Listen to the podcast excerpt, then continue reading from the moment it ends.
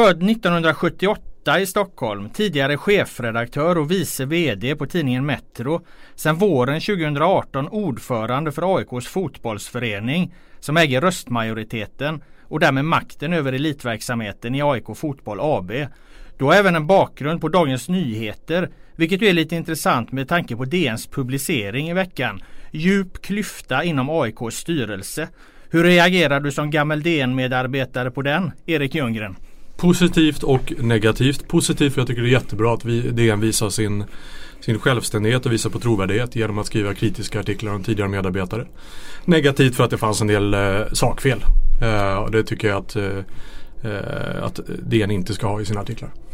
Vi kommer säkert komma in på det sakfelet för att ni har ju varit ute och dementerat en sak på er hemsida och du ska få berätta om det. Eh, men jag börjar med klyftan då som det refereras till är ju att ni inte är överens om huruvida aktiebolagets styrelse och föreningsstyrelsen ska vara en och samma styrelse. En så kallad spegling. Idag är det ju två olika styrelser och det finns då olika viljor kring detta i styrelsen. Hur ser du på det?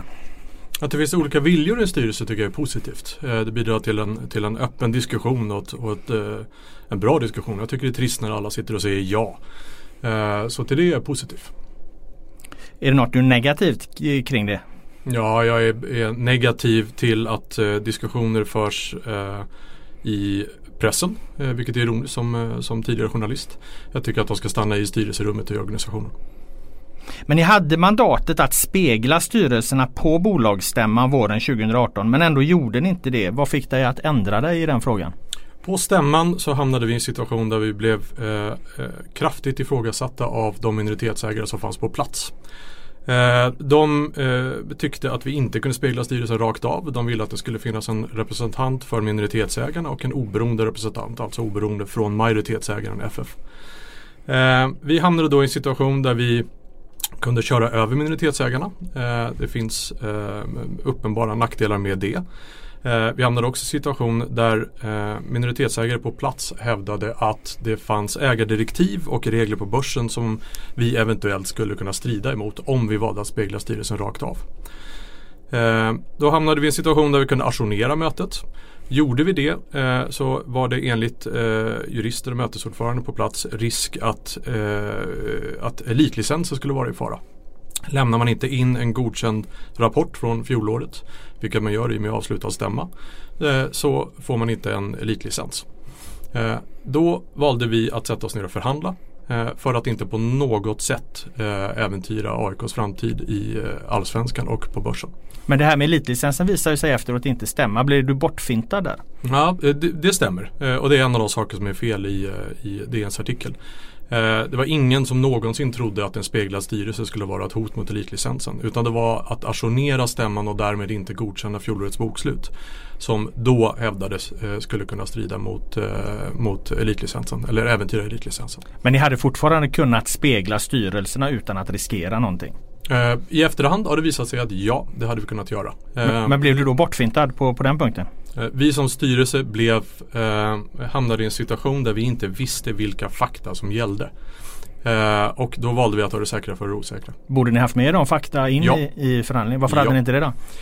Eh, ja, det är den frågan som vi ställer oss nu också. Eh, först och främst så var det alldeles för kort tid mellan årsmöte och bolagsstämma. Det är en av de första sakerna som vi har åtgärdat. Då var det, ja, det tar mig inte exakt på timmen här men säg att det var en 40 timmar emellan. Eh, nu har vi ändrat så att det är nio dagar emellan så att den styrelse som kommer in i framtiden alltid ska ha mesta möjliga tid att förbereda sig noggrant inför eh, inför bolagsstämman. Vi har också eh, sett till att göra en, en, utredning både internt och tagit in en, en jurist som har gått igenom eh, alla förutsättningar för hur AIKs styrelse kan arbeta. Eh, kan man spegla, kan man inte spegla, vilka konsekvenser kan det bli eh, och vad krävs av en, en styrelse på bolagsstämman. Det här har vi gjort Delvis för oss själva naturligtvis. Men även för att framtida styrelser inte ska hamna i den situationen. Eh, det var eh, bolagsstämman 2018 var inte AIKs ljusaste stund 2018. Eh, det Vad menar du med det? Jag menar att ja, det är ganska enkelt att välja ljusare stunder. Det kan vi återkomma till senare. men AIK ska inte vara i en sån situation Eh, att det kommer in en styrelse som inte vet exakt vilka regler som gäller eller att det sitter eh, minoritetsägare på plats på stämman och eh, hävdar att saker gäller som inte gäller. Utan det ska vara tydligt och klart och det har vi jobbat med under, under våren både internt och eh, med extern hjälp. Vilka, var det, vilka minoritetsägare var det som hävdade då saker som inte stämde? Jag vet inte exakt vad, vad minoritetsägare på plats heter. Jag vill inte heller gå in på vem som sa vad på stämman. Det blir märkligt ett år senare. Frågan lever ju i allra högsta grad inför årsmötet 5 mars här nu. Eh, det kan man ju se i två motioner som inkommit till eh, föreningens årsmöte. En motion handlar om att det ska vara olika styrelser, en om att det ska vara samma. Hur ser du på frågan? Jag har varit tydlig med det hela tiden. Eh, jag ser fördelar med, med både och. Jag ser fördelar med att ha separata ordföranden men jag tycker att det finns ett övervägande skäl som gör att en speglad styrelse Eh, och en ordförande är eh, i min åsikt den bästa vägen att gå framåt. Och det är helt enkelt att vi begär av ledningen att de ska skapa ett AIK fotboll. Att de ska jobba gemensamt och att de ska ha en riktning. Eh, att då låta den nyrekryterade klubbdirektören rapportera till två styrelser i två möten med två ordföranden tycker jag inte är rätt. Eh, jag förstår eh, de som hävdar motsatsen men det är min bestämda uppfattning när jag väger fördelar och nackdelar. Men du har ju, ni har ju haft chansen via en extra stämma då att genomföra det här, det här du vill med, med, med en ordförande och med en speglad styrelse så att säga. Ja. Eh, men har, du har valt att inte eh, driva fram en extra stämma. Först och främst så är jag styrelseordförande, inte diktator. Det är inte jag som bestämmer över AIK utan det är en styrelse där alla ledamöter eh, har lika mycket att säga till om. Eh, och jag vill inte gå in och kommentera eh, enskilda styrelsebeslut. Men man kan ju konstatera att hade, vi, hade en majoritet av styrelsen velat kalla till extra bolagsstämma eh, och gjort mig till ordförande i både FF och AB. Då hade vi kunnat göra det. Det hade förmodligen också varit det enklaste eh, beslutet och kanske det bästa beslutet för mig som enskild individ. Eh, jag hade framstått som, eh, som, en, eh, som en stark ledare som, som tog makten och visade vägen framåt. Så jag hade nog vunnit på det personligen. Men jag tror inte att AIK hade vunnit på det. I fjol så hade vi någonting unikt i AIK. Vi hade en känsla av tillsammans. Vi hade en känsla av att när medlemmarna går ihop på årsmötet och gör saker tillsammans då blir AIK bättre. Eh, när spelarna sluter sig samman efter tuffa motgångar med, med skador Eh, då, då, blir vi bättre för vi gör saker tillsammans. Det är inget gnäll utan vi gör saker tillsammans. Den, den stora höjdpunkten för mig, jag tillsammans med, med SM-guldet, var det brev som supportrarna skrev i augusti. Där AIK supportergrupper gick ut i ett unikt initiativ tillsammans efter vår eh, förlust mot Nordsjälland. Och skrev att nu är det dags att stötta, inte såga. Nu är det dags att hylla, inte håna. Och det gäller på läktarna och i sociala medier. Fjolåret var ett väldigt speciellt AIK-år. Eh, vi hade tuffa motgångar men vi slöt oss samman och vi jobbade tillsammans och det var ett lugn som AIK inte har haft på länge. Att i det läget gå ut och kalla till extra bolagsstämma eh, såg inte jag som rätt väg framåt.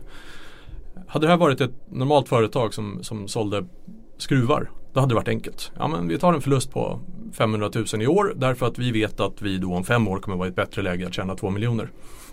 I AIK funkar det inte riktigt så enkelt för det är känslor inblandade också. Ska vi fatta beslutet att eventuellt riskera eh, att ge bort ett SM-guld till Hammarby därför att vi kanske är i en bättre situation om fem år? Nej, vi, vi tyckte inte att det, var, att det var rätt väg framåt. Sen ska vi vara väldigt tydliga med att det här SM-guldet har inte på något sätt vunnits i styrelserummet. Utan det här är sporten, spelarna och ledarna och kontoret runt, eh, runt spelarna som har gjort att vi har kunnat ta hem SM-guldet. Eh, men vi ville inte med styrelsetjafs riskera den stämningen. När säsongen var slut, ja men då är det dags för valberedningen och nomineringskommittén att göra sitt jobb. Och det, det är eh, just nu eh, kanske det viktigaste uppdraget i, i AIK. Är att se till att vi har bästa möjliga förutsättningar inför nästa års möte och bolagsstämma. Så anledningen till att det inte blir någon extra stämma är snarare att du inte vill splittra och gå emot den här positiva anda som håller på att byggas upp och, och riskera SM-guldet och som du säger. I den här DN-artikeln som vi har mm. berört så framstår det snarare som att det finns en rädsla att genomdriva det här på, på grund av det hot och våldskapital som en firma runt det besitter. Eh, vågar ni inte ta vissa beslut på grund av eventuella konsekvenser eh, från er firma? V vad menar du med vår firma? Ja den firma som finns runt AIK. Men, förlåt, menar, du, eh, menar du firman Boys eller menar du någon form av? Jag försöker undvika att marknadsföra eh, en våldsorganisation okay. med, med dess namn som de själva har gett sig. Så att jag kallar det för den firma som finns runt AIK. Jag förstår, jag var osäker på om du menade någonting kring bolagsstrukturen kring, kring AIK. Eh, nej, det har överhuvudtaget inte varit en faktor. Och hade rädslan varit det som styrde eh, och om mitt personliga välbefinnande hade varit det som styrde Ja, då hade vi kallat det extra bolagsstämma och kört gasen i botten. Eh, det hade varit betydligt enklare för oss i styrelserummet. Men, eh, men jag, eh, ja, jag hävdar att hela AIK är det som ska gälla. Eh, det som är bäst för AIK som helhet eh, var det som vi gjorde under fjolåret. Eh, och så här i efterhand så kan vi konstatera att det var rätt beslut. Vi hade ett, ett unikt AIK-år. Eh, vi mår bättre idag på planen, på läktarna och på kontoret än vad vi har gjort på väldigt länge. Eh, och vi är dessutom svenska mästare. Eh, så jag är, är stolt över det beslut vi, vi fattade under fjolåret. Men i DNs artikel så uh, står det ju att en uh, styrelseledamot vill inte justera ett protokoll, protokoll om extrastämma på grund av eventuella repressalier då, uh, från den här firman. Det stämmer inte eller? Det är ingenting som jag känner igen överhuvudtaget. Kan det ha hänt ändå utan att du vet om det? Nej, det tror jag inte. Jag tror att jag hade fått reda på det i så fall. Så det är en felaktig uppgift i det? Ja, det är, så vitt jag vet så är det en helt felaktig uppgift. Alltså det där är jag måste återkomma till det där. Eh, det var ju eh, som du sa, jag har varit chefredaktör och jag har varit redaktör och jag har jobbat i media och jag har, har eh, granskat eh, allt ifrån storföretag till, till mindre extremgrupper. och AIK är på många sätt det lugnaste jobb jag haft. Vi har inte varit utsatta för hot. Jag har inte fått hotfulla telefonsamtal. det är inte ens någon som har satt upp ett, ett Hammarbyklistermärke på, på vår port. Det har varit väldigt, väldigt lugnt. Och återigen, det tror jag är någonting som har präglat hela AIK under 2018. Eh, vi, jag har inte märkt av det som, som har varit en del av AIK under tidigare år. AIK har varit en väldigt lugn, stabil och, eh, och framgångsrik förening under 2018. Men det är ju inte länge sedan eh, medarbetare i, i din klubb har vittnat om raka motsatsen. Korrekt. Hur ser du på det? Eh, det ser jag som otroligt negativt och det är en av de första sakerna som vi gjorde som, som styrelse. Var att eh, tillsammans med en, en advokat tillsätta en utredning som ledde till eh, en handlingsplan mot hot, våld och trakasserier och att vi inrättade en whistleblower-funktion. Eh, för mig är det här Ja, förutom det, liksom det mänskliga perspektivet eh, så är det här även ett sportsligt och ekonomiskt perspektiv. Om AIK ska ta nästa steg, eh, om AIK ska tjäna mer pengar, få in större sponsorintäkter och vinna fler matcher, då behöver vi vara en organisation där alla känner sig trygga, glada och stolta över att arbeta. Och det gäller både som vänsterback eh, och på kontoret. Vi kan inte ha en situation där människor blir, blir hotade och trakasserade för att de utför sitt jobb. Jag är helt övertygad om att, eh, om att samtliga medarbetare i AIK eh, från, så vänsterback, vi har ingen vänsterback, vi har mittbackar.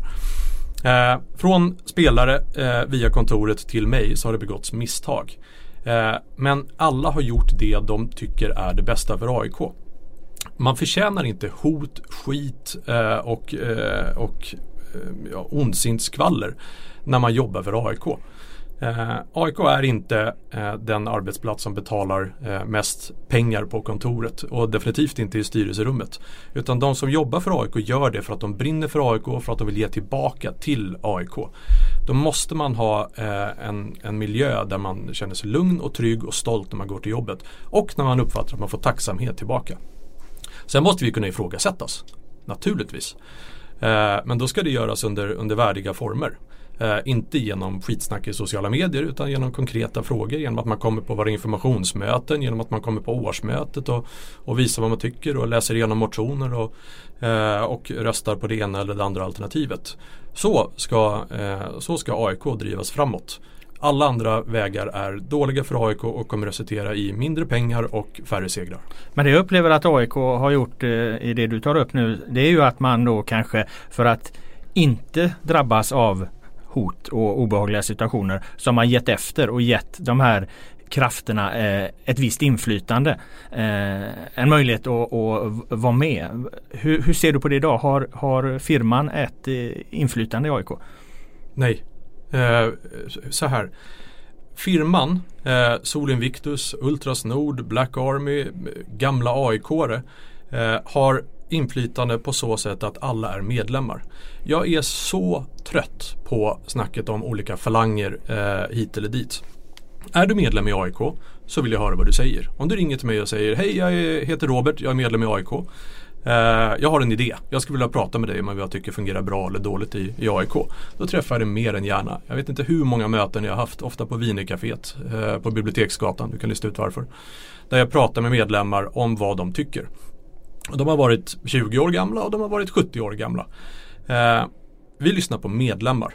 Eh, att eh, lyssna på en, den ena falangen mer än den andra det är inte aktuellt för mig. Utan alla har samma rätt som medlemmar i AIK att uttrycka sin, sin åsikt. Det gör det dessutom väldigt mycket enklare för mig. För väldigt få har sin falang stämplad i pannan. Jag vet inte vilken falang, eh, vem som tillhör vilken falang. Utan det jag vill veta är, är du medlem i AIK, då lyssnar jag på det som du säger. Men du, man får helt enkelt visa upp medlemskortet på kaféet där? Ja, om jag är osäker får man gärna göra det. Nej, det har inte hänt. Jag har valt att lita på de medlemmar som har kontaktat mig. Men eh, när den här diskussionen kom upp runt IFK Göteborg och Mats Gren här i höstas så... Vänta, får jag, får jag, får jag lägga till en sak ja. här? Eh, det här var eh, en, en, diskussion som, som vi har haft i, i AIK-kretsar. Jag minns inte om det var i, i styrelserummet eller utanför. Men det var, vi pratade om, eh, om du går ut och frågar hundra människor i Flen vad de förknippar med AIK. Ja, då kommer de eh, säga liksom, svarta tröjor och SM-guld och kaxiga 08 Och sen kommer de säga de där jävla huliganerna i Black Army. Ja, du kan ju AIK ganska väl. Du vet att Black Army är inte huliganerna som slåss nu. Black Army är gubbar i min ålder, i 40-årsåldern. Eh, Black Army är den del av läktaren eh, som, eh, som man kan söka sig till om man vill stå och stötta AIK och sjunga och vara en del av, av Norra Stå. Eh, så att det är ytterligare en anledning till att inte låsa sig till falanger. Vilken falang är det idag som gör det ena eller det andra? Det vet inte jag. Jag är intresserad av medlemmarna. Vilken medlem gör vad? Är du bra för AIK? Är du dålig för AIK? Stöttar du AIK? Sågar du AIK? Det är vad jag kan lyssna på. Inte vilken, eh, om du är eh, Solen Victus eller, eller Ultras Nord. Då kände att ställa den frågan som jag började där när ja, diskussionen förlåt. kom upp runt IFK Göteborg och Mats Gren eh, och eh, samröre med risksupportrar och så här. Så handlar den ju om att eh, eh risksupportrar i det fallet fick en förtur till makten. Att, att eh, genom att anses vara liksom en eh, kraftfull röst på läktaren och så finns det i AIK någonstans att du har en förtur i form av de här olika falangerna till att till exempel prata med dig. Eller är det så som du säger att det är bara medlemmar du går på? Jag tror att AIK handlar är, är väldigt likt samhället i stort. Eh, människor med starka röster hörs ofta mest. Eh, på, på gott och på ont.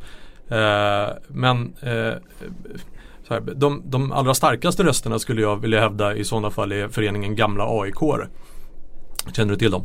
Ja. ja. Det är ett, ett gäng eh, människor som tidigare har haft mitt jobb eller sportchefsjobbet som samlas på Karlberg, käkar middagar och, eh, och möter eh, ledare i AIK och representanter för AIK. Eh, och de diskussionerna, de är tuffa. Eh, det, då pratar vi Stefan Söderberg och Sune Hellströmer och, och andra aik som, som har levt i klubben och verkat i klubben i, i decennier. Deras erfarenhet eh, och deras kunskap, den Eh, Eh, är tuff eh, att, eh, att möta och viktig för oss att, att ta in och, och lyssna på. Eh, så ja, självklart så har du en, en, stark röst så är det lättare att bli hörd. Men det gör det också ännu viktigare för mig att göra det tydligt att eh, jag vill lyssna på vad du säger. Om du skriver ett mail till styrelsemailen, då svarar vi som styrelse. Om du eh, kommer till informationsmöten och ställer en fråga, då svarar vi på den frågan. Eh, oavsett vilka falang du hör till. Jag skiter i falanger. Eh, jag tycker att det är intressant med vad medlemmar tycker och vad medlemmar vill. Eh, och det är de som, som äger makten i AIK och det är de som ska driva AIK framåt. Nu ska du ju då eh, genomföra den här eh, speglingen och eh, en ordförande då. Är det liksom så vi kan sammanfatta ditt budskap till medlemmarna inför årsmötet eh, 5 mars? Det är inte jag som ska genomdriva.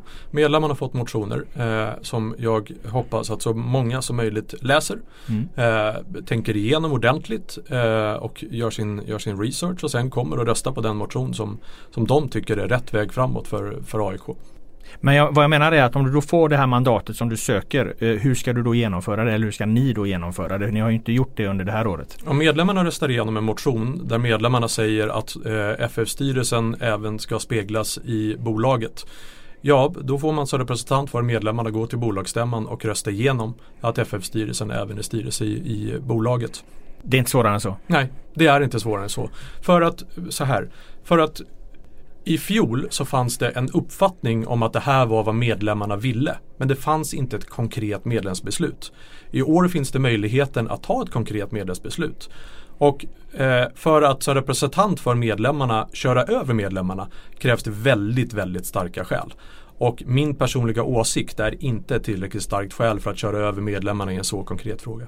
Är du eh, beredd att axla ansvaret som ordförande för både föreningsstyrelsen och eh, aktiebolagsstyrelsen? Om förutsättningarna är rätt och människorna runt omkring mig är rätt personer, så ja. Hur kan du utveckla det? Eh, jag ensam kan inte leda AIK utan jag behöver rätt människor runt omkring mig som har den kompetens som jag saknar. Eh, ingen person kan idag leda en förening eh, och ett bolag så stort som AIK ensam. Utan det behövs kompetenser inom så vitt skilda områden att sammansättningen på styrelsen som helhet är det viktiga. Det viktiga är inte om jag är ordförande eller om, om Gnagis är ordförande. Det viktiga är att styrelsen som helhet eh, är rätt sammansatt och eh, har förståelse för hur AIK fungerar.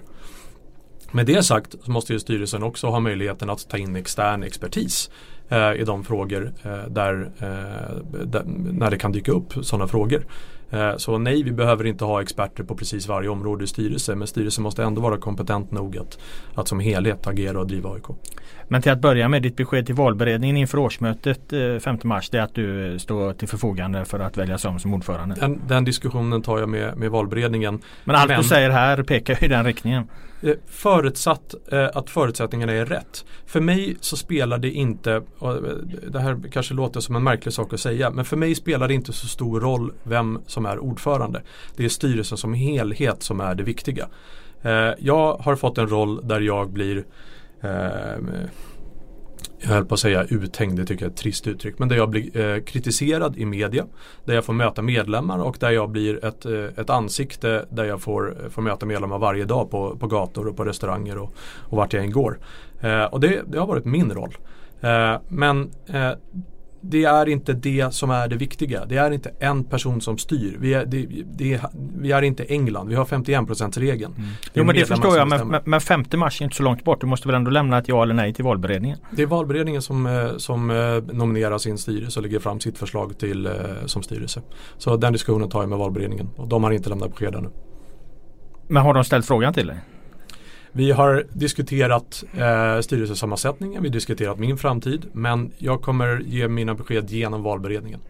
Och när eh, måste det komma ut? Två veckor innan eller? Är det? är väl den, är det den 19? Tror jag att det är. Och innan dess så kommer du inte svara definitivt eh, ja eller nej om du ställer upp? In, eh, som, inte till dig, det gör jag till valberedningen.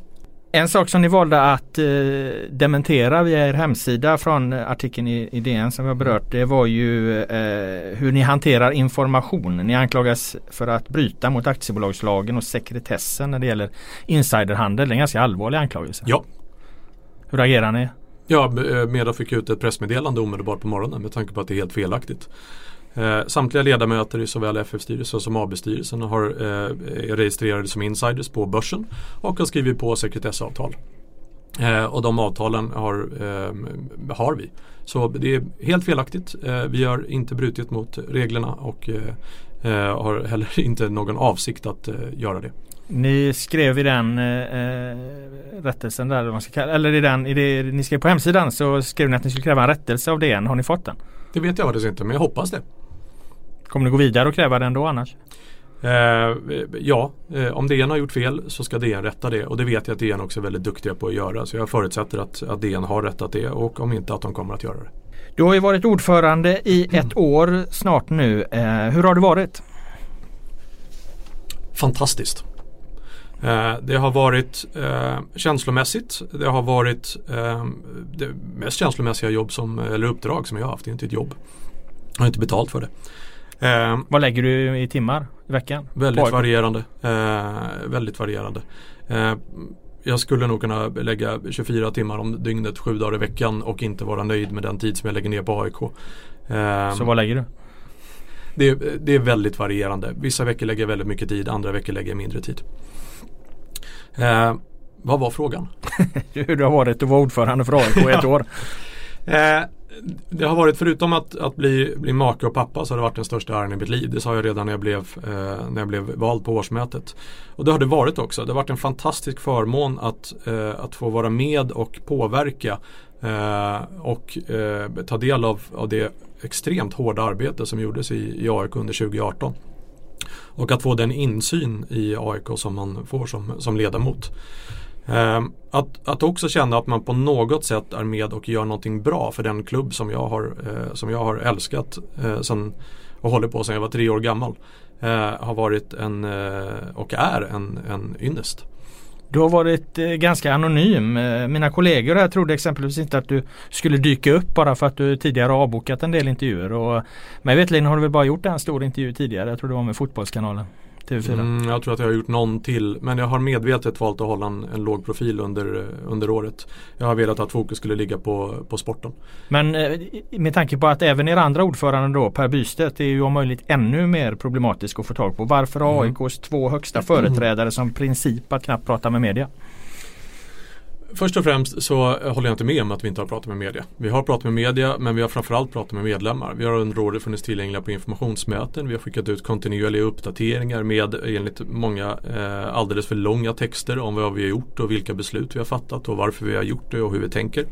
Eh, eh, och vi finns också tillgängliga nu inför, inför årsmötet. Imorgon så kommer jag sitta på eh, Vinicaféet på AIKs födelsedag eh, och, eh, och möta medlemmar och prata med dem.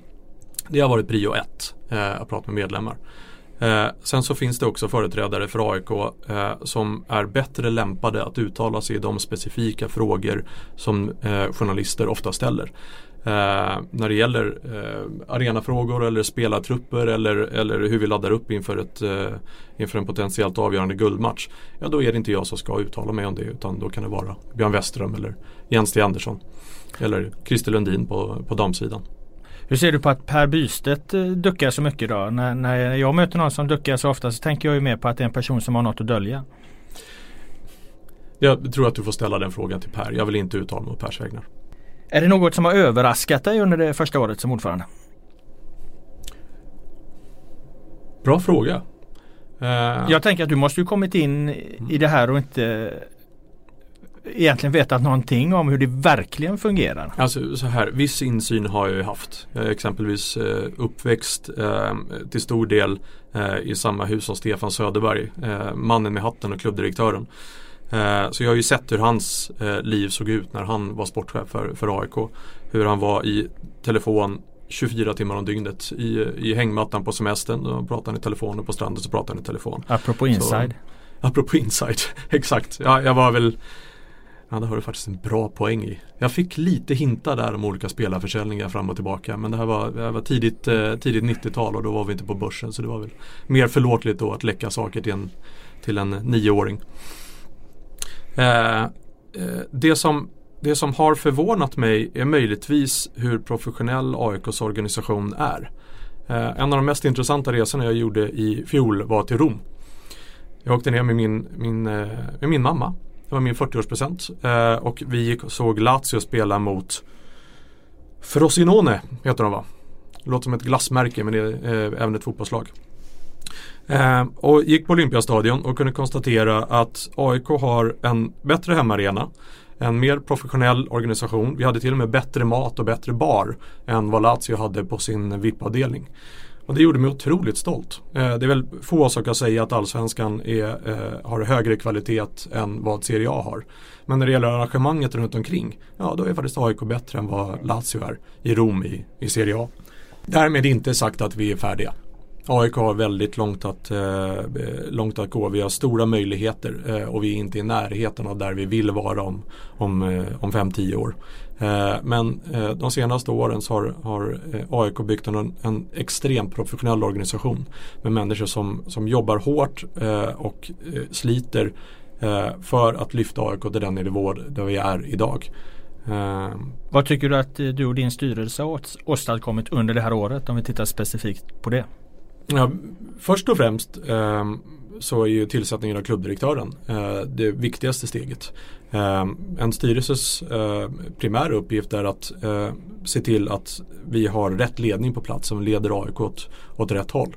Och det har vi gjort i och med tillsättningen av Jens T. Andersson som klubbdirektör med det uttalade uppdraget att ett, skapa ett bättre arbetsklimat och bättre förutsättningar på kontoret och hela organisationen och utnyttja möjligheterna i hela AIK fotboll. Eh, men även att sätta en långsiktig vision och strategi för hela AIK fotboll. Det är ett arbete som har pågått ända sedan Jens tillträdde eh, tillsammans med oss i styrelsen eh, och som kommer att presenteras nu under, under Q1.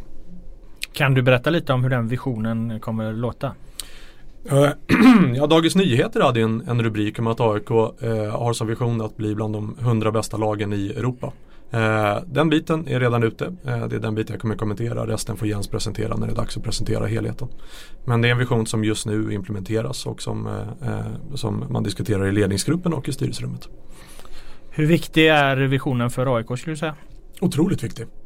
Vi behöver ha en, en, en riktning för hela AIK fotboll. Vi behöver veta hur FF ska förhålla sig till AB och det menar inte jag i styrelserummet utan jag menar i form av eh, av spelare. Vad är, liksom, vad är poängen med ungdomsfotbollen? Jo, poängen med ungdomsfotbollen är att vi ska dels eh, eh få barn och ungdomar att, att må bra i AIK men även att fostra så många spelare till startelvan och till A-truppen för damer och herrar som möjligt. Eh, det är ju redan någonting som AIK har lyckats väldigt väl med. Eh, det här får du gärna dubbelkolla i efterhand men jag tror att i matchen mot Malmö så hade vi om det var sex eller sju spelare från Stockholmsområdet i startelvan. Vi hade fyra av dem som hade spelat eh, ungdomsfotboll i AIK. Det är fantastiskt eh, att vi redan är på den nivån. Eh, jag skulle gärna se att vi har ännu fler spelare som är fostrade inom AIKs ungdomsfotboll i startelvan om, om 10-20 år. Eh, och det är också målet. Men eh, det, det helhetstänket där vi vet vart vi är på väg som förening, där allting hänger ihop. Där marknadsavdelningen hänger ihop med biljettavdelningen som hänger ihop med sponsorsäljet som hänger ihop med Björn Westerums eh, rekryteringar och med hur supportergruppen agerar på läktarna. Det är dit som vi eh, behöver ta eh, ännu fler steg för att komma. Om man tittar vidare på organisationen så valde ni nyligen att eh, förlänga kontraktet med Rickard Norling. Mm. Varför det? Det var ett sportsligt beslut, eh, Björn Westerums beslut. Eh, Äger han det helt själv? Björn. Uh, I det här fallet så var det helt och hållet Björn Westerholms beslut. Det var inte en diskussion i styrelserummet utan det var ett, uh, en diskussion som en beslut som sporten tog. Vad tänkte du om att det bara blev ett års förlängning apropå långsiktighet och så? Här? Det är helt och hållet upp till, till Björn och Rickard att diskutera. Så det får du fråga Björn och Rickard. Hur ser du på samarbetet mellan Rickard Norling och Björn Westerholm i stort? Jag tror inte att jag har den insynen. Eh, de pratar med varandra dagligen. Eh, de träffar varandra dagligen på Karlberg misstänker jag. Eh, jag är inte på Karlberg varje dag. Men uppenbarligen så funkar den tillräckligt väl för att vi ska stå här som svenska mästare idag. Jag tänkte på det som dök upp under rättegången mot Dixon i Toho där no Norling uppe, öppet pekade ut Björn som var den som inte informerade spelartruppen om vilken spelare det här misstänkta mutförsöket då handlade om. Vad tänker inte, du kring det? Jag var inte en del av AIK då, jag vill inte kommentera det som hände då. Men eh, Björn och Rickard har som sagt uppenbarligen en tillräckligt bra diskussion idag för att tillsammans kunna leda AIK till SM-guld och det är det som är viktigt. Hur ser du på hela den härvan? Det kommer vara en ny rättegång mot eh, Dixon i Toho. Hur påverkar det här AIK? Eh, det är skadligt för AIK och svensk fotboll att den här frågan överhuvudtaget kom upp. Eh, inte särskilt märkligt med tanke på, på hur fotbollsvärlden ser ut idag. Och otroligt viktigt för, för AIK att visa var vi står och visa att det här är inte är någonting som, som accepteras i, i AIK eller i svensk fotboll. Ehm, eh, AIK har hamnat i en situation där vi, eh, det var knappast någonting som vi ville, men vi har hamnat i en situation där vi kan markera. Där vi är de i svensk fotboll som får gå ut och sätta ner foten och säga att det här är inte okej. Okay. Vad ser du som den främsta förklaringen till att eh, AIK idag är regerande svenska mästare? Helheten. Eh, det är ett arbete från, eh, från kontoret eh, ner på plan där vi har slutit leden och gjort saker tillsammans. Eh, där vi har haft en, en stämning eh, i hela AIK fotboll som har gjort att vi lyfter oss i motgångar. Eh, vi, vi sjunger ju om ibland så kan det blåsa kalla stormar. Eh, det har verkligen blåst kalla stormar kring AIK med, eh, med fruktansvärda skador eh, i spelartruppen och, och naturligtvis även motgångar på, på kontoret. Eh, men eh, det har snarare stärkt oss. Eh, det har gjort att människor har jobbat ännu hårdare och det har gjort att att vi har blivit mer professionella och haft en Ja, det har gett ett resultat som har gjort att vi har blivit starkare i motgångar. Eh, det tror jag är en av de absolut viktigaste orsakerna. Och sen är det också den, eh, den eh, enorma nivå som finns på, på kontoret. Eh, där AIK har blivit en väldigt professionell organisation. Och är på, på god väg mot att bli ännu starkare med ännu större intäkter och ännu större möjligheter att, att vinna fler SM-guld. Vilket vi ska. Det räcker inte att vinna var tionde år. Det är för sällan. AIK ska vinna oftare än så. Och hur ska ni då göra det? Hur ska ni ta det här nästa steget sportsligt att bli en mer återkommande vinnare i Allsvenskan som du ju själv nämner där? Det kommer du få prata med Jens T. Andersson om inom väldigt kort när han presenterar den vision och strategi som går under namnet Topp 100. Mother's Day is around the corner. Find the perfect gift for the mom in your life with a stunning piece of jewelry from Blue Nile. From timeless pearls to dazzling gemstones, Blue Nile has something she'll adore. Need it fast? Most items can ship overnight. Plus, enjoy guaranteed free shipping and returns. Don't miss our special Mother's Day deals. Save big on the season's most beautiful trends. For a limited time, get up to 50% off by going to BlueNile.com. That's BlueNile.com. Men du måste kunna ge din syn på det utan att hänvisa till visionen? Eh, ett, eh, ja, ett väldigt enkelt svar är att vi behöver pengar. Eh, för att kunna hamna uppe på topp 100 så behöver AIK omsätta mer pengar. Tittar man på de lag som är bland de 100 bästa i Europa så omsätter de betydligt mer pengar än AIK. Eh, och det finns en koppling mellan pengar och framgång.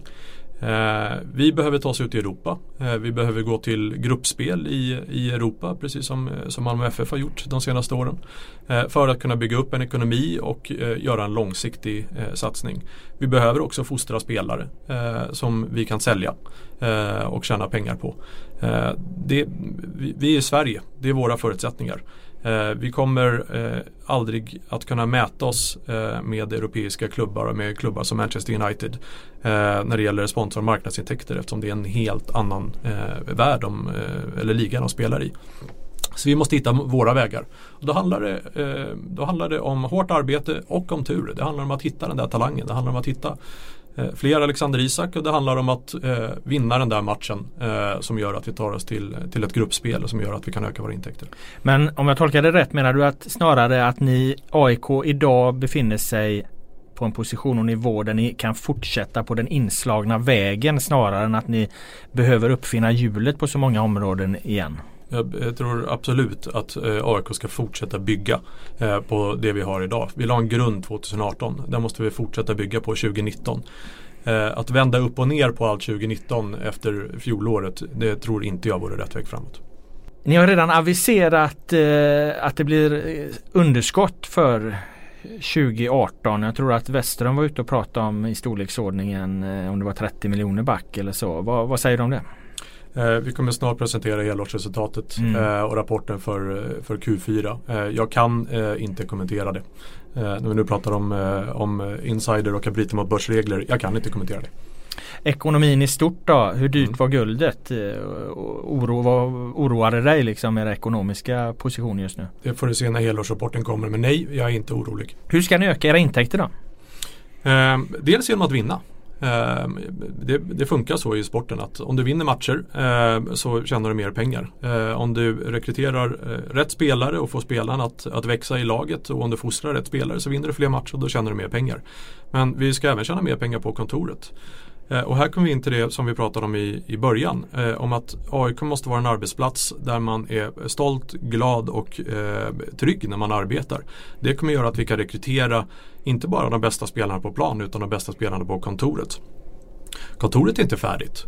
Eh, vi kommer behöva fortsätta bygga där också. Har ni AIK haft svårt med rekrytering till kontoret med tanke på liksom den här bilden som har funnits och faktiskt också varit att eh, företrädare för er har upplevt obehagliga situationer. Jag tänker på Alerup och Mikael Alerup er före VD och, och, och, så här. Eh, har det liksom eh, var, blivit en belastning och gjort det svårare för er att rekrytera människor? Att folk har dragit öronen åt sig lite om man ska jobba för AIK? Jag tror att det finns fördelar och nackdelar eh, med att vara AIK eller Malmö FF eller, eller Leksand när man ska rekrytera personal till kontoret. En fördel därför att du kommer få människor eh, som kommer till kontoret och verkligen brinner för sin arbetsuppgift.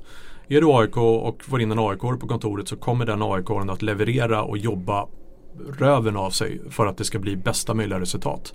Just därför att man brinner så mycket för sin uppgift. Vi har eh, medarbetare på kontoret som har AIK-märket antingen fysiskt eller mentalt tatuerat på kroppen. Eh, och det är en jättestyrka att ha människor med det där hjärtat och med det där fingret på vad AIK är för någonting och vad AIK ska. Men vi behöver komplettera dem med människor som skiter fullständigt i AIK.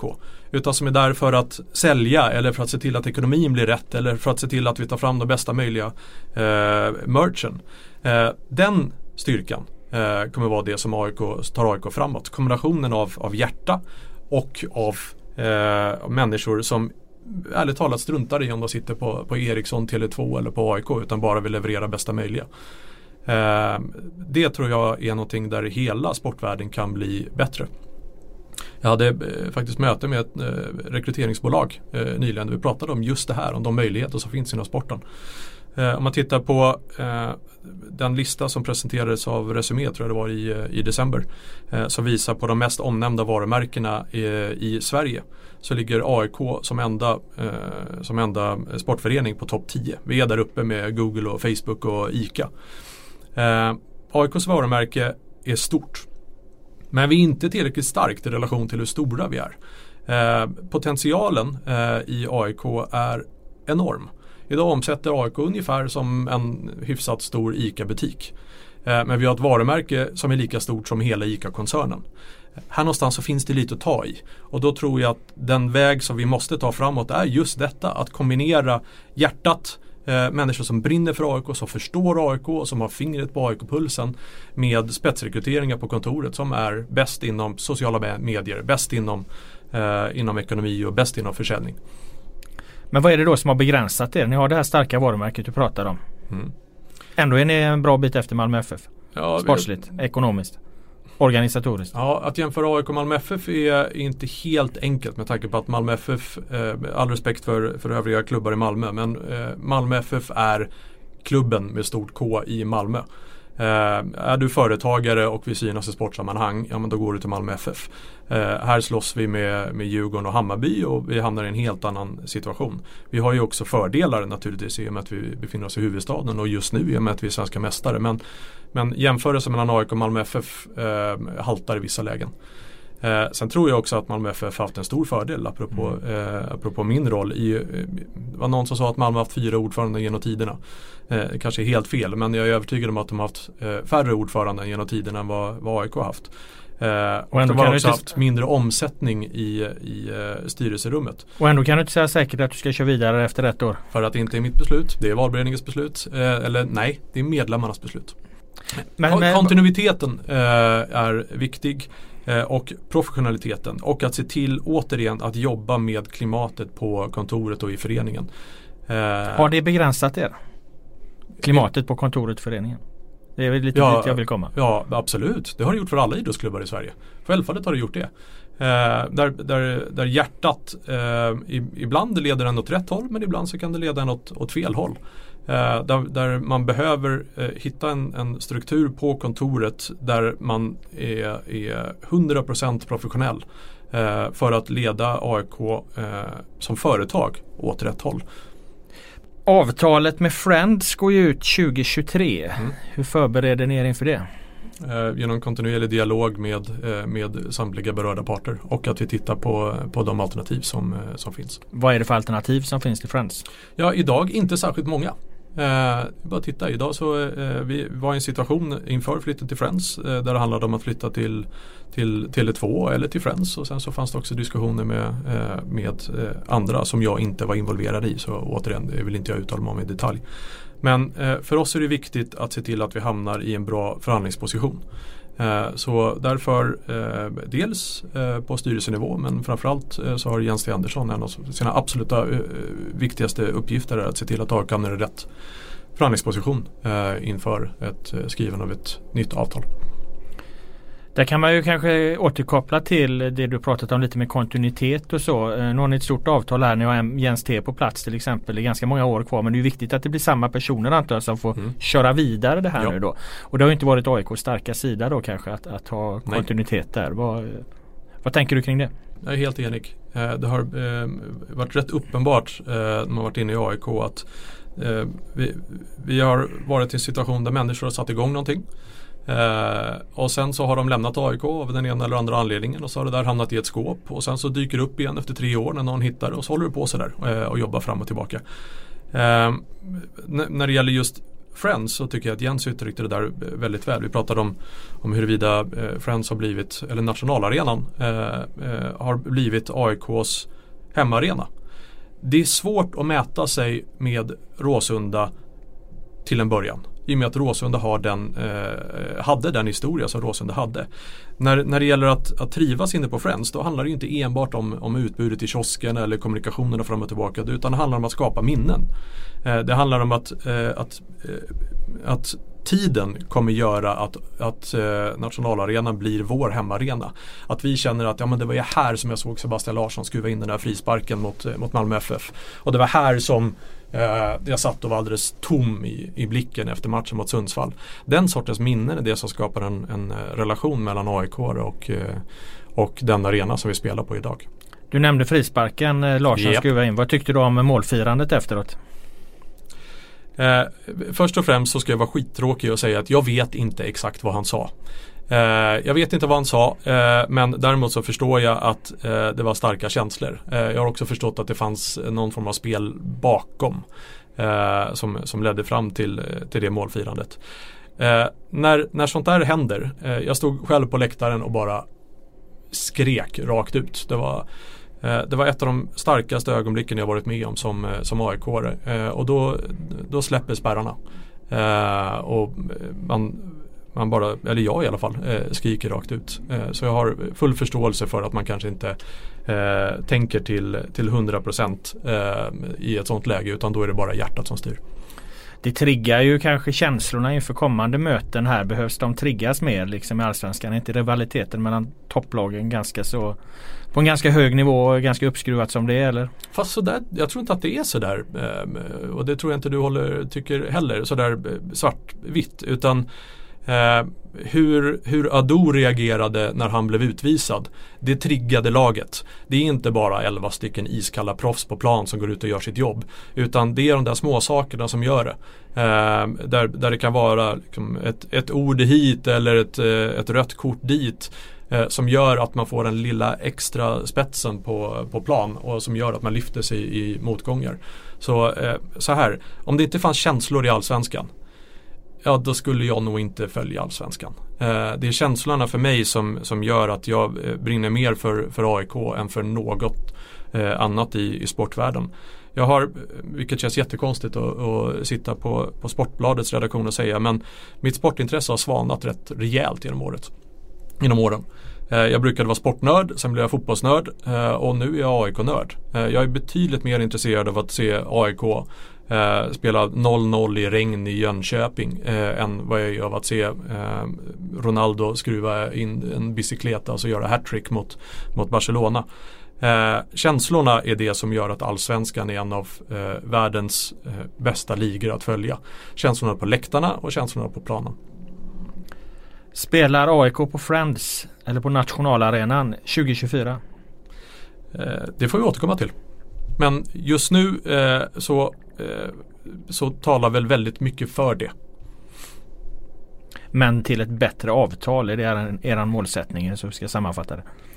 Den, eh, hur avtalet ska se ut kommer inte jag sitta och kommentera nu utan vi, vi får en dialog med samtliga berörda parter. Eh, Jens T. Andersson har som huvud, huvuduppdrag att, eh, att eh, föra den diskussionen. Eh, och jag hoppas att vi kommer hitta bästa möjliga lösningen för AIK. Eh, övergripande, för, vad är för bästa möjliga, ja, övergripande då, vad är bästa möjliga lösning i, ja, det, i det, arenafrågan? Då? Det är bra att du frågar det. För det handlar inte bara om vad herrarna ska spela. Eh, det är inte det som är det enskilt viktigaste för, för AIK. Utan det handlar om hela AIK fotboll. Eh, diskussionen om, eh, om AIK ska, ska, spela på nationalarenan den berör ju även var damerna ska spela och var, var våra barn och ungdomar ska spela. Så vi måste ha ett helhetsperspektiv där. Eh, vad, eh, vad är AIK, var ska AIK spela och vad är bästa möjliga för, för AIK som helhet. Kommer det alltid vara gräs när AIK spelar?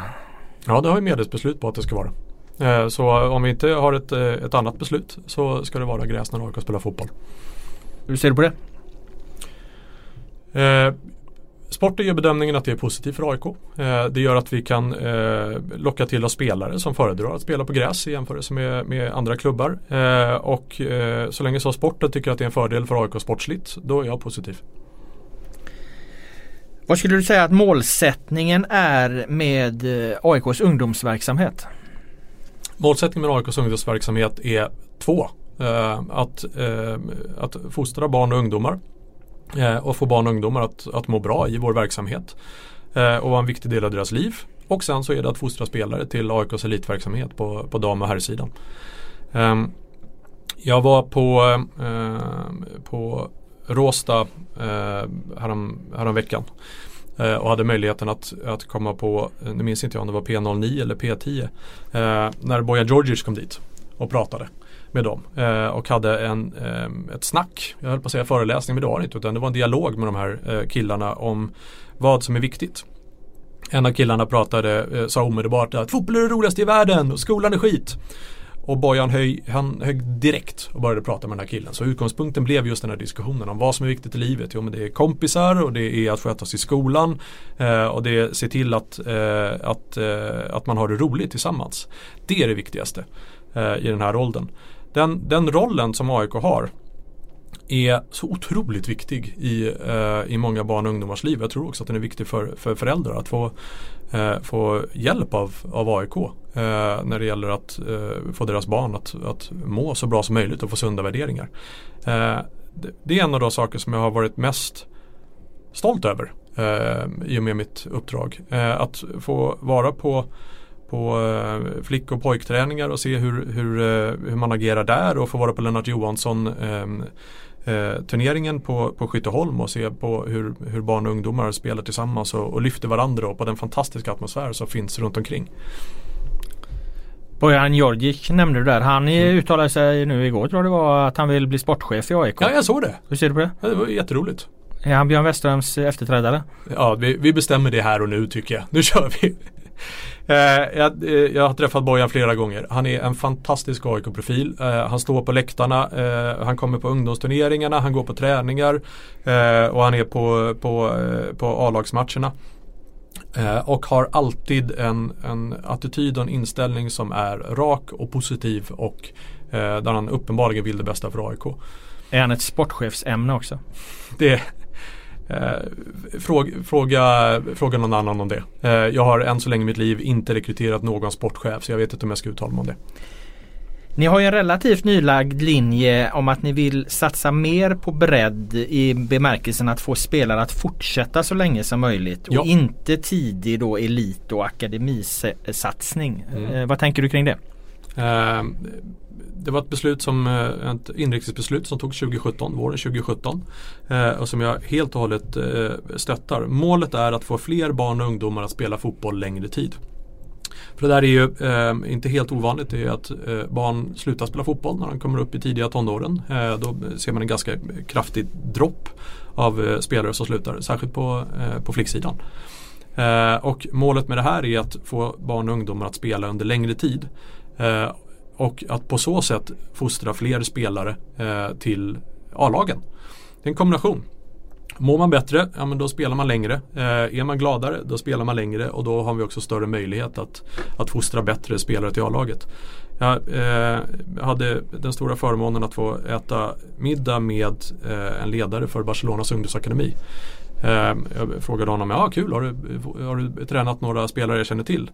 Och han sa lite bly, blygsamt på, på halvknagglig engelska att ja, jo, ja men några. Xavi, Iniesta, Puyol, Messi. De tränade jag i åldern 12 till 17. Det var ju i alla fall, det, liksom, det är inte på, på AIK-nivå men det är hyfsade spelare. Eh, han berättade en historia eh, med reservation för att eh, jag missuppfattade detaljer. Men han berättade historien om, om Puyol. Eh, Puyol som inte hade spelat organiserad fotboll förrän han var typ 15. Eh, när han var 16 så hamnade han i Barcelona eh, och när han var 17 så spelade han i A-laget.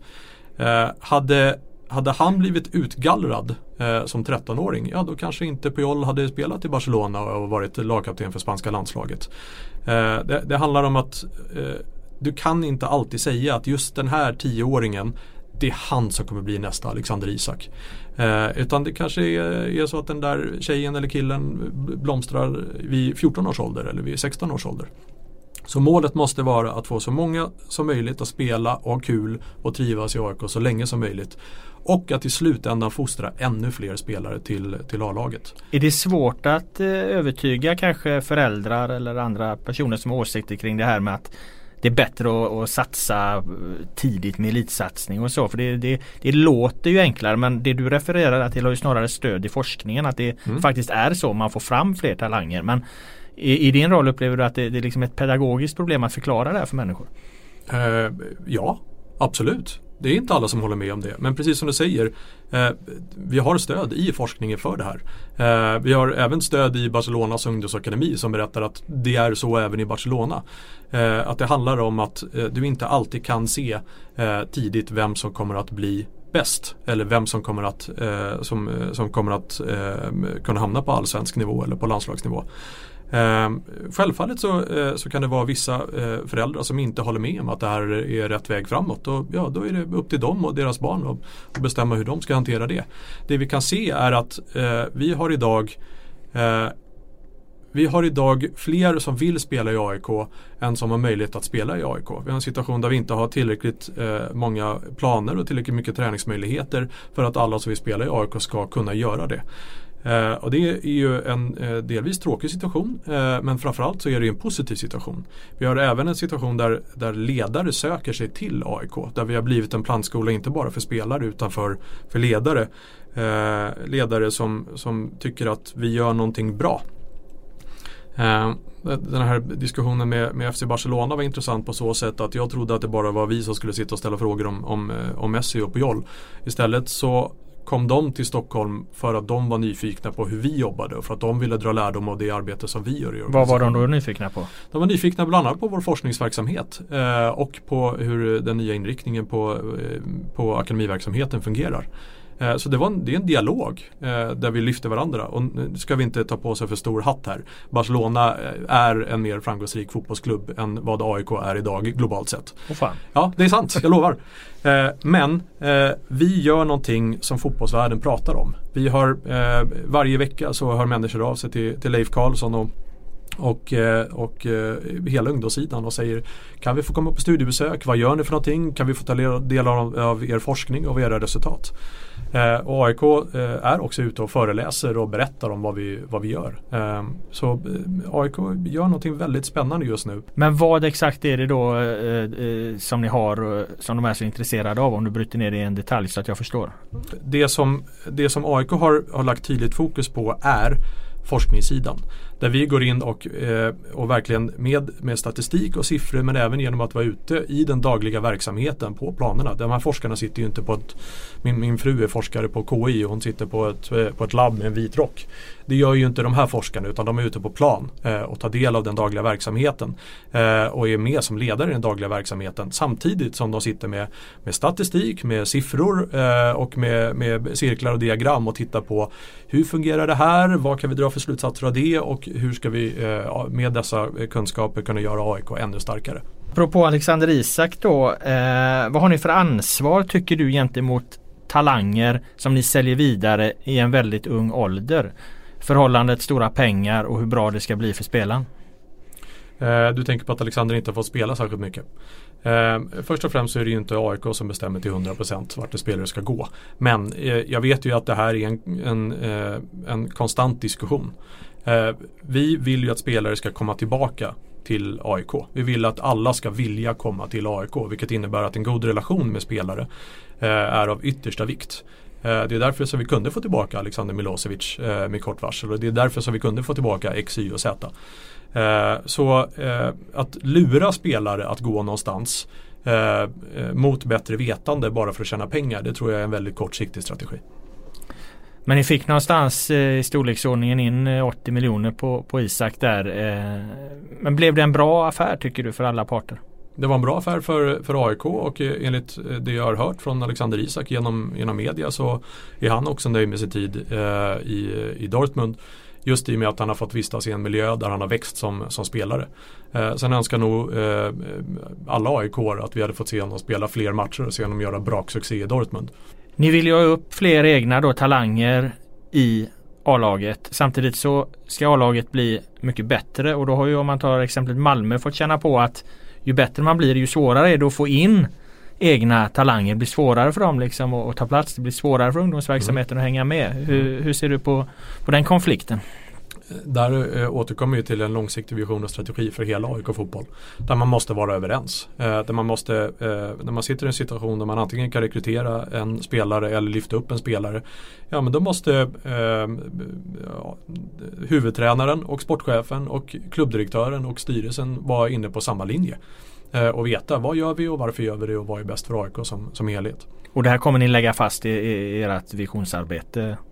Du får, du får vänta och se hur visionsarbetet ser ut. Men självfallet så måste man ha någonting att luta sig emot i sådana frågor. Ska vi rekrytera en spelare eller ska vi lyfta upp en spelare? Ja. Det är en dialog mellan, eh, i det här fallet Rickard Norling, Björn Westström och, eh, och sen upp på klubbdirektörs CFO och styrelsenivå i, i vissa fall. Men, ja, för det är ju lätt att säga att vi ska satsa på egna talanger och sen så vill man bli bättre och då gör man det. Då blir det bara populism åt ena hållet. Absolut. Vad skulle du säga är en svår motgång i ditt liv? En svår motgång i mitt liv eh... Jo men det är väl de gånger som man blir ifrågasatt. Eh, och blir ifrågasatt och börjar fundera själv och ligger vaken på nätterna och funderar på har jag gjort det som är bäst just nu? Eh, har jag gjort det som är bäst för, för företaget jag jobbar på eller för tidningen jag, eh, jag redaktörar eller för, för föreningen som jag är ordförande När blev för. du, eh, när hände det senast? Ja men kring, kring bolagsstämman så var det väldigt mycket sådana tankar. Eh, vad är rätt väg framåt? Eh, hur ska vi agera? Vad är bäst för, för mig och vad är bäst för, för AIK? Hur gör du för att hantera de situationerna? Eh, jag eh, tror att jag har hittat en metod som funkar ganska väl och det är att först så pratar man med en väldig massa människor och tar in en väldig massa åsikter och sen så stänger man av det och så funderar man själv på vad tycker jag är bäst väg framåt. Eh, och vad kommer jag kunna i AIK-fallet fortsätta gå på AIK-matcher rak i ryggen i resten av mitt liv och veta att jag har gjort det allra bästa för AIK. Det är det som är det, det viktigaste för, för mig. Eh, att koka ner all, eh, alla åsikter och alla människor som, som tycker det ena eller andra till vad tycker jag är rätt väg framåt eh, i det uppdrag som jag har just nu. Blev det rätt väg framåt i det exemplet du nämnde här med kring bolagsstämman och, och hur utvecklingen har blivit efter det tycker du? Det vi vet är vad, vad resultatet har blivit och det är att vi hade ett 2018 där människor mådde väldigt bra i AIK. På plan, på läktarna och på kontoret. Eh, och där vi levererade ett resultat eh, som var fantastiskt. Eh, så eh, ja, eh, det blev rätt beslut. Är det något mer du vill säga som du inte har fått sagt tycker du nu när vi har fått dig framför intervjumikrofonen här i Lejonets kula? Ja, förlåt till, till Per Boman för att jag inte har gett dig eh, en, eh, en intervju. Eh, jag ber om ursäkt för det. Eh, I övrigt, hej AIK. Tack så mycket för ett eh, intressant samtal Erik Ljunggren. Och eh, vi är tillbaka med fler intervjuer här i Allsvenska podden under försäsongen. Tack så mycket för att ni lyssnade.